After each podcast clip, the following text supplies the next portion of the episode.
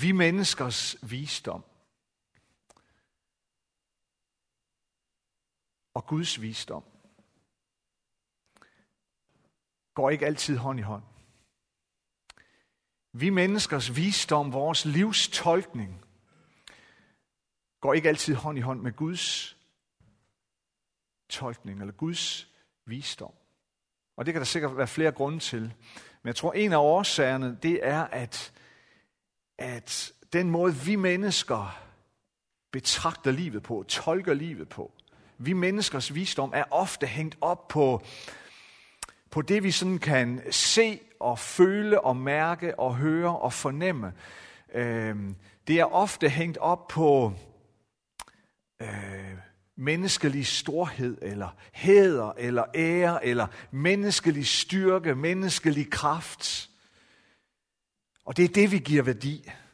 Og det er det, vi tolker livet ud fra. Men Guds visdom er noget andet. Guds visdom er hylder det, som vi ikke altid kan se med vores øjne. Guds visdom hylder det, som kan med vores forståelse virke svagt og skrøbeligt, ondseligt, ydmygt. Ingenting værd. Men deri findes storheden. Set fra Guds perspektiv.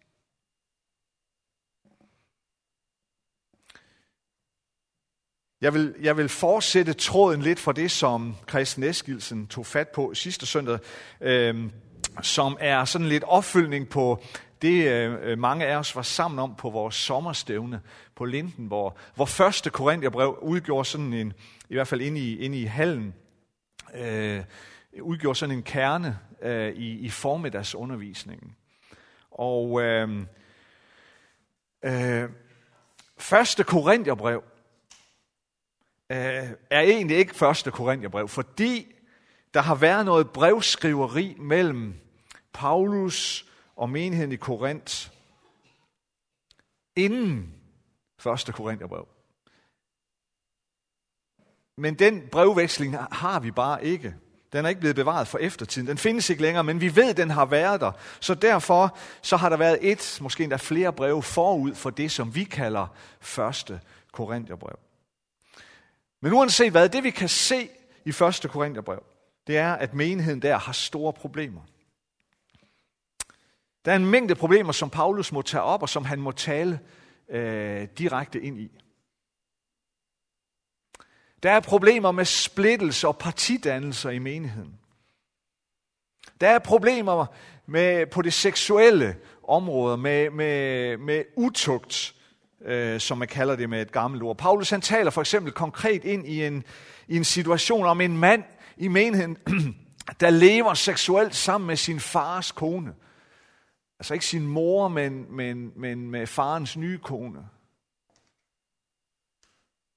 Der er problemer med, med prostitution. Det var, det var almindelig, det var almindelig kutyme på den tid i den, i, i den, i den hellenistiske verden, at, at mænd gik til prostituerede.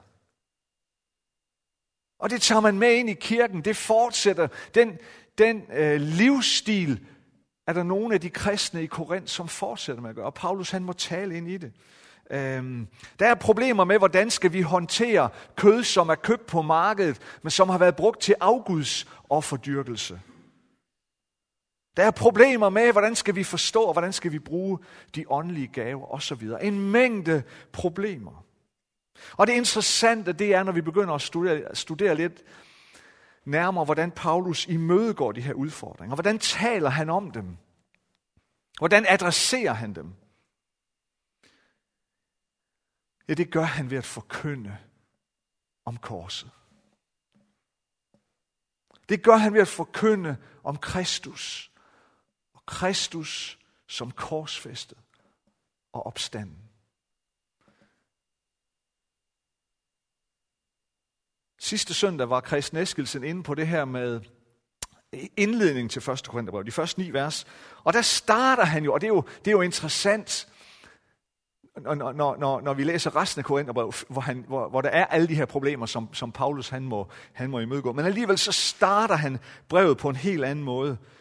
Han starter med at sige, jeg, jeg takker altid Gud for jer. Jeg takker altid Gud for jer, fordi han har kaldet jer ind i det her fællesskab. Fordi I er kaldet ind til fællesskab med Kristus og alt, hvad det indebærer. Så når Paulus han skal imødegå de her udfordringer, så fortæller han dem om Kristus. Og han fortæller dem om korset. Og hvad det helt konkret betyder i deres liv. Og øh, vi kan, her i dag vil jeg bare tage fat i et af de her eksempler. En af de her problemområder, som Paulus han, imøde, han øh, i, i, imødegår. Og det er det her med splittelser i menigheden. Øhm, der læser vi fra kapitel 1 og fra vers 10 til 14. Og, øh, og jeg kommer til at læse nogle flere tekster i dag, og de kommer alle sammen herop på væggen. Så siger Paulus, men jeg formaner, det, det er lige efter den her indledning, hvor jeg altid takker Gud for jer, og så tager han fat. Men jeg formaner jer, brødre, ved vor Herre Jesu Kristi navn, til at enes, så der ikke er splittelser i blandt jer. Men så I holder sammen i tanke og sind, for kloges folk har fortalt mig om jer, mine brødre, at I ligger i strid med hinanden. Jeg sigter til, at I siger hver sit. Jeg hører til Paulus, jeg til Apollos, jeg til Kefas, jeg til Kristus. Er Kristus der blevet delt? Var det måske Paulus, der blev korsfæstet for jer? Eller blev I døbt til Paulus' navn? I Korinth og hele den hellenistiske verden, der var der sådan en stor udbredelse af filosofer og filosofisk visdom. Og øh, det var meget almindeligt, altså dem, der, der, der, øh, der levede på den tid, at altså, det gik man meget op i. Og man, der var ligesom sådan, der var mange forskellige filosofiske retninger og filosofiske skoler. Og så holdt man sig ligesom til, hvor man sådan var tilhænger enten den ene filosof eller visdomslærer, eller så var man tilhænger af den anden. Så holdt man sig til, det, til den ene lærer eller den anden lærer, den ene filosof og hans anskuelser og, og, og, øh, og tolkning af verdensbilledet, eller også den anden eller en tredje. Og så blev der let sådan mure mellem mennesker og klikedannelser. Fordi lige så meget som man holdt sig til en bestemt filosofisk retning, lige så lidt vil man i hvert fald have at gøre med de andre. Lige så meget vendte man ryggen til de andre. Og det var så kommet ind i menigheden i Korinth. Og det troede med at splitte fællesskabet ad. Jeg følger Paulus, eller jeg holder mig til Paulus og hans lærer, var der nogen, der sagde. Nej, nej, jeg holder mig til Apollon, og det han har sagt. Nej, jeg holder mig til Kefas, altså apostlen Peter. Jeg holder mig til det, han har sagt. Nå, jamen, det er også ham der, Kristus. Han har da også sagt noget klogt. Ham holder jeg mig til. Og Paulus han må gå hårdt til dem og sige, stop med det der.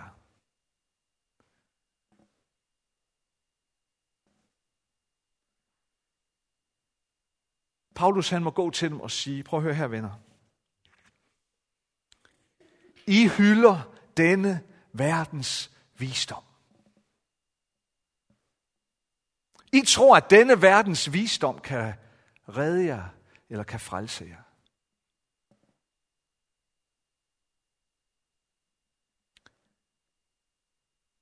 Og så beskriver Paulus, hvordan Gud udfordrer denne verdens visdom.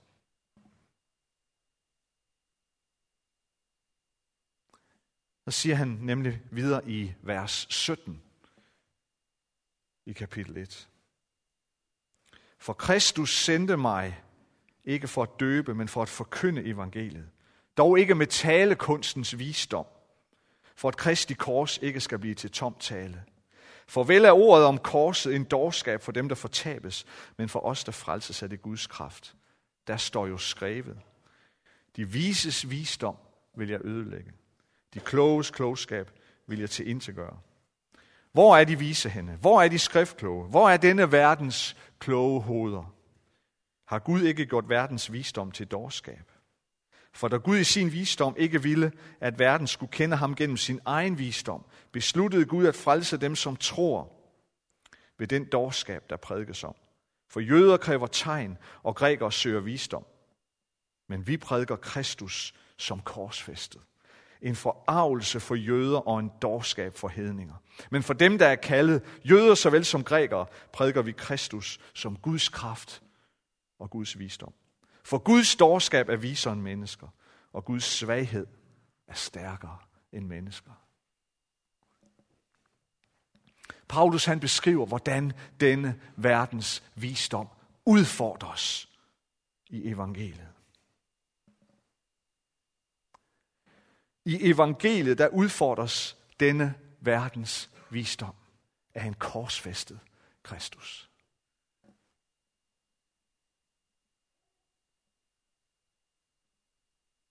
Gud har i sin visdom gjort det sådan, at denne verdens visdom kan ikke redde mennesker.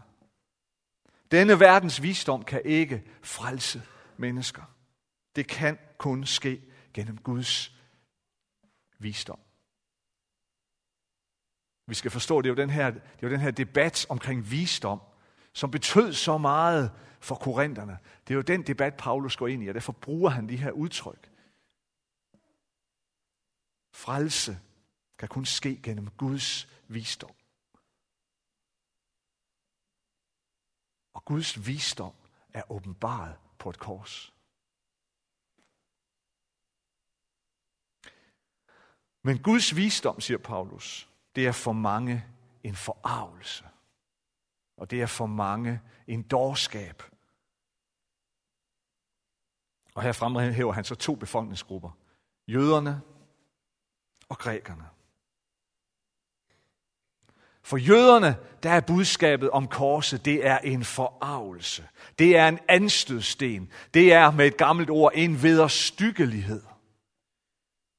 For jøderne, de vil jo henvise til Moseloven, hvor der står i 5. Mosebog, og det tror jeg også kommer på, på væggen, hvis en mand findes skyldig til døden og bliver henrettet, og du hænger ham på et træ, må livet ikke hænge på træet natten over, men du skal begrave det samme dag. For den, der hænger på et træ, er en Guds forbandelse.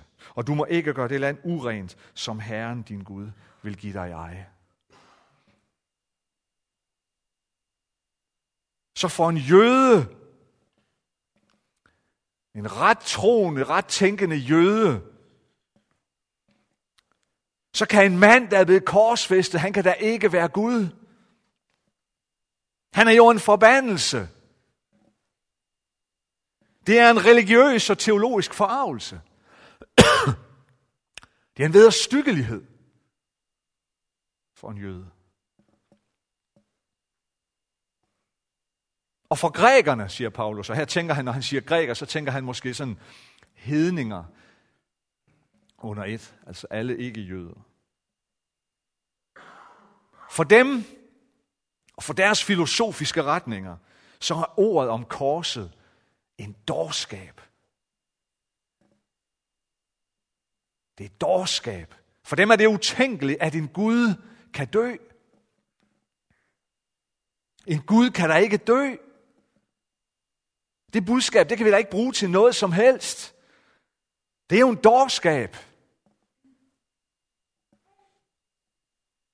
Sådan siger menneskelig visdom. Ordet om korset, det er enten forarveligt eller dåragtigt.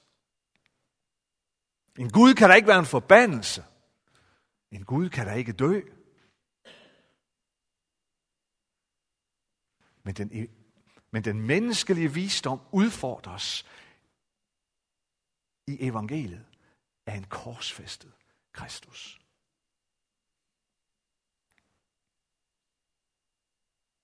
Nå,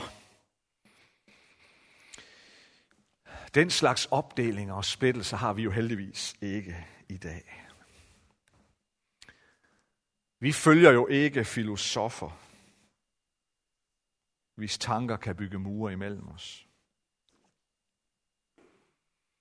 Nej, måske ikke.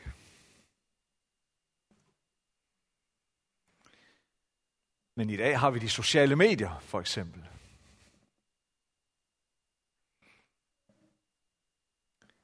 Hvem følger du på de sociale medier?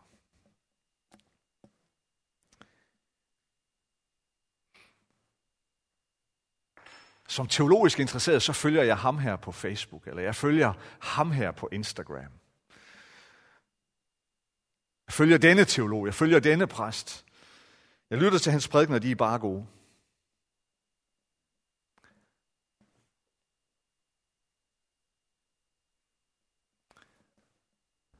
Og så lægger jeg det ene citat efter det andet op på Facebook eller andre steder. Nu skal I lige høre det her gode citat. Det er der ikke noget galt i. Det sjove er, har jeg tænkt på, det sjove er, at man altid citerer dem, man er enig med. Eller hvad?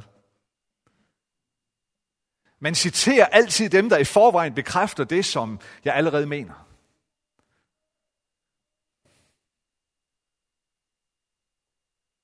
Jeg kan ikke huske, om jeg nogensinde har set en. Jeg ved, måske har jeg. Jeg kan bare ikke huske det. Jeg kan ikke huske, om jeg nogensinde har set bare en, der har postet på Facebook eller lignende et citat, og så skriver man, i går var jeg rygende uenig med den her teolog, men i dag tænker jeg anderledes. Jeg har måttet omvende mig. Jeg må give ham ret.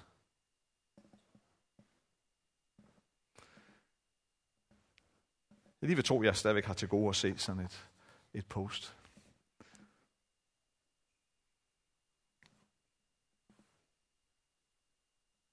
Jeg holder mig til den, jeg holder mig til den. Jeg holder mig til Christen Eskelsen. Eller jeg holder mig til Lars Midtgaard. Jeg holder mig til dagligstuen. Jeg, jeg holder mig til klassisk gudstjeneste. Nej, jeg holder mig til 10-30 gudstjenesten. Er Kristus blevet delt? Er Betelkirken blevet delt? Så Gud udfordrer menneskelig visdom ved evangeliets ord om korset. Og så, så fortæller Paulus yderligere en ting. Yderligere en måde, hvorpå Gud udfordrer menneskelig visdom. Og det gør han ved, at han har startet noget, der hedder menighed.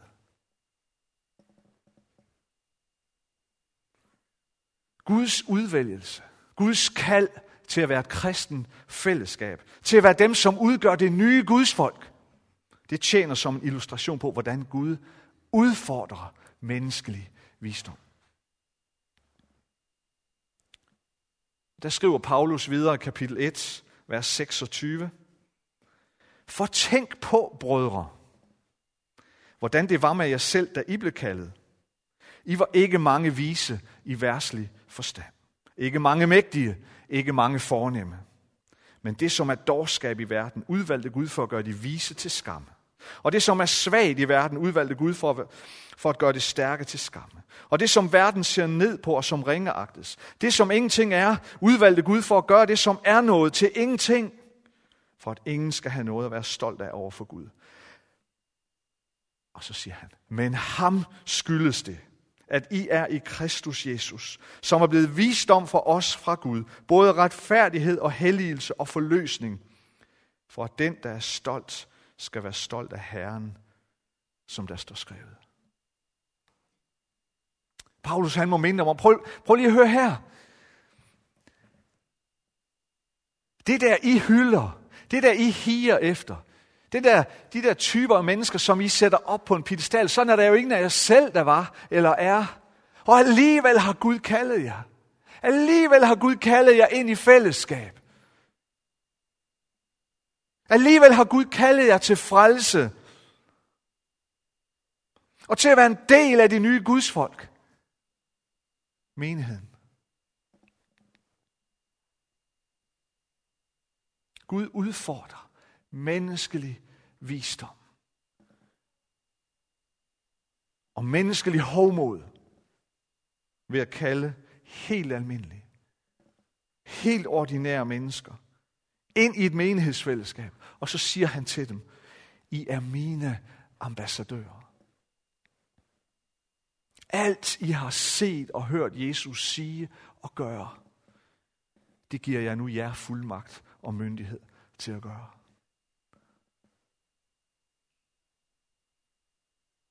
Da Jesus gik på jorden, da han kaldte på mennesker, så kaldte han på helt almindelige mennesker.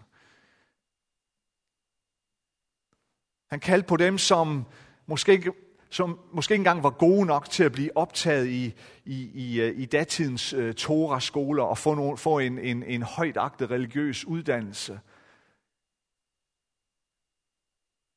Han kaldte på dem, der ikke var fundet værdige til det efter datidens visdom og datidens værdisystemer. Almindelige mennesker, fiskere, håndværkere, foragtede toller og hvad ved jeg. Og så sagde han, kom og følg mig.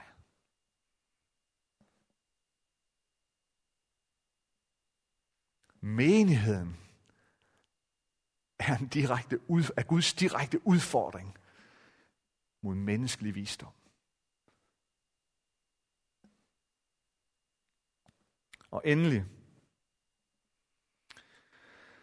så peger Jesus, undskyld, så peger Paulus på sig selv.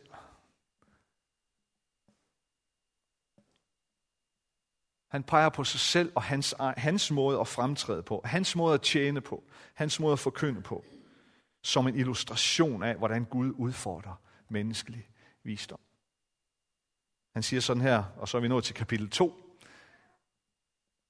Og da jeg kom til jer, brødre, forkyndte jeg ikke Guds hemmelighed for jer med fremragende talekunst eller visdom. For jeg havde besluttet, at hos jer, at jeg hos jer ikke ville vide af andet end Jesus Kristus og det som korsfæstet. Jeg optrådte hos jer i svaghed og med megen frygt og bæven. Og min tale og min prædiken blev ikke fremført med overtalende visdomsord, men med ånd og kraft som bevis. For at jeres tro ikke skulle afhænge af menneskers visdom, men af Guds kraft. Paulus han er ikke bleg for at indrømme, at da han kom til Korinth og forkyndte evangeliet for mennesker der, så fremstod han bestemt ikke som en person med de kvaliteter, som mange af dem og datidens mennesker efterspurgte. De vil have en stærk leder. En stærk og dygtig forkynder. En dygtig retoriker. En med pondus og autoritet. En med stor visdom.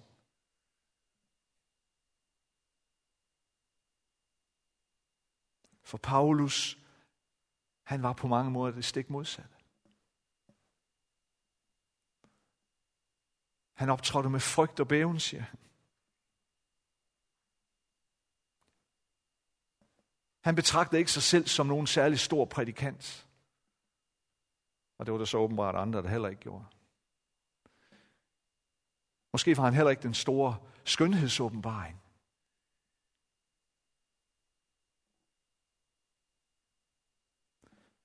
Så da Paulus kom til Korinth, og også efterfølgende, så var der folk der, også i menigheden, som sagde og som tænkte, hvad kan han gøre? Hvad kan vi bruge ham til?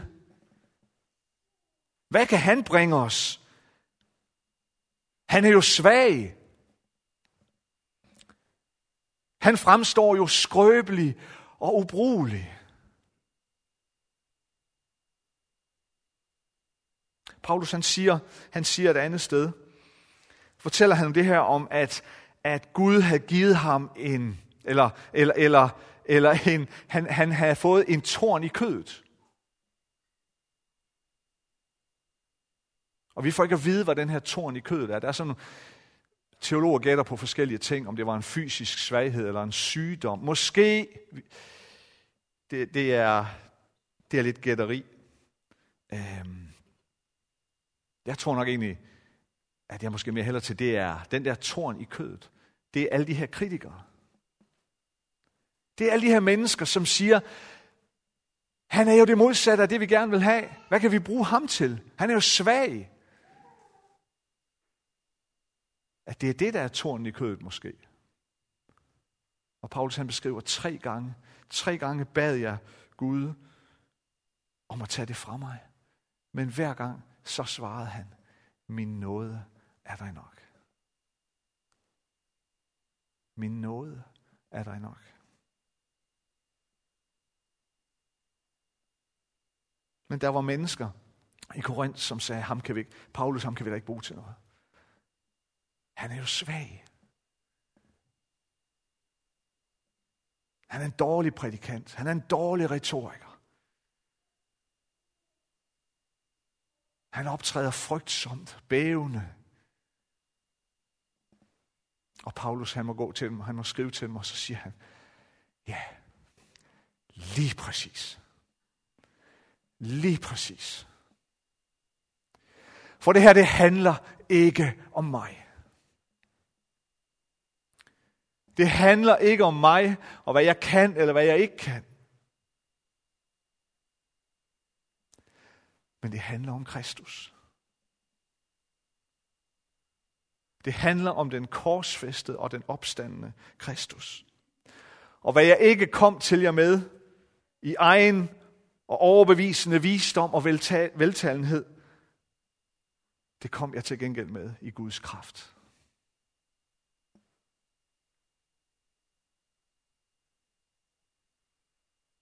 Gud udfordrede menneskelig visdom ved at udvælge Paulus til tjeneste. En mand, som sikkert ingen anden ville have drømt om at udvælge. Ham udvælger Gud.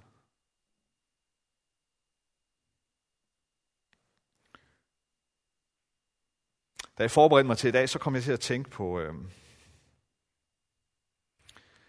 jeg, jeg har den store glæde at få lov til at være med i øh, sommerstævnets programudvalg, og har været med der nogle år. Og det er det her, det er det her team, som, som planlægger programmet for sommerstævnet. I hvert fald øh, for den, den, den voksne eller den, den gamle del. øhm, og det vil sige, at vi er med til at invitere forkyndere, undervisere, prædikanter på vores sommerstævne.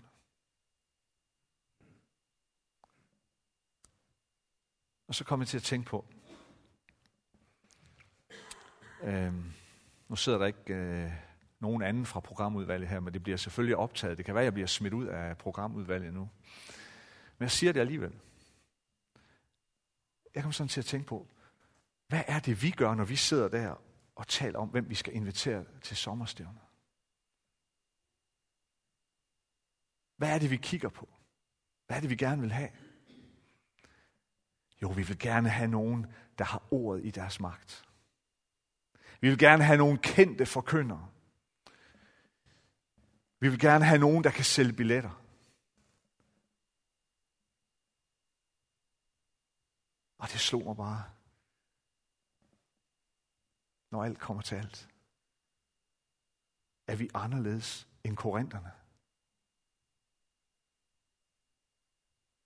Og jeg måtte spørge mig selv, hvis der havde været noget, der hed sommerstævne, et fælles sommerstævne mellem baptister og missionsforbundet tilbage i år 54-55 deromkring, når Paulus han skriver det her. Hvis det havde eksisteret dengang, ville vi så have inviteret Paulus som hovedtaler? Jeg tvivler, bliver jeg nødt til at sige. Han er jo svag. Han har ikke ord i sin magt. Ah, han kan måske få et eftermiddagsseminar over i Bakkehuset. De af der har været på Lindborg, det er sådan det mest afsidesliggende sted til seminarerne. Der kunne han måske få et eftermiddagsseminar uden mikrofon.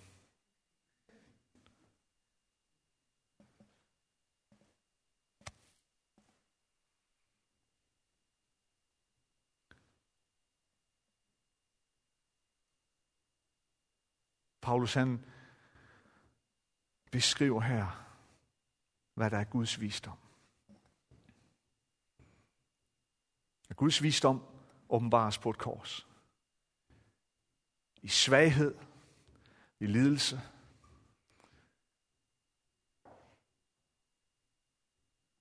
Noget, som vi vil vende vores blik væk fra. Som vi har lyst til at vende ryggen til. Som er alt andet end den menneskelige visdom, som vi ophøjer og som vi higer efter.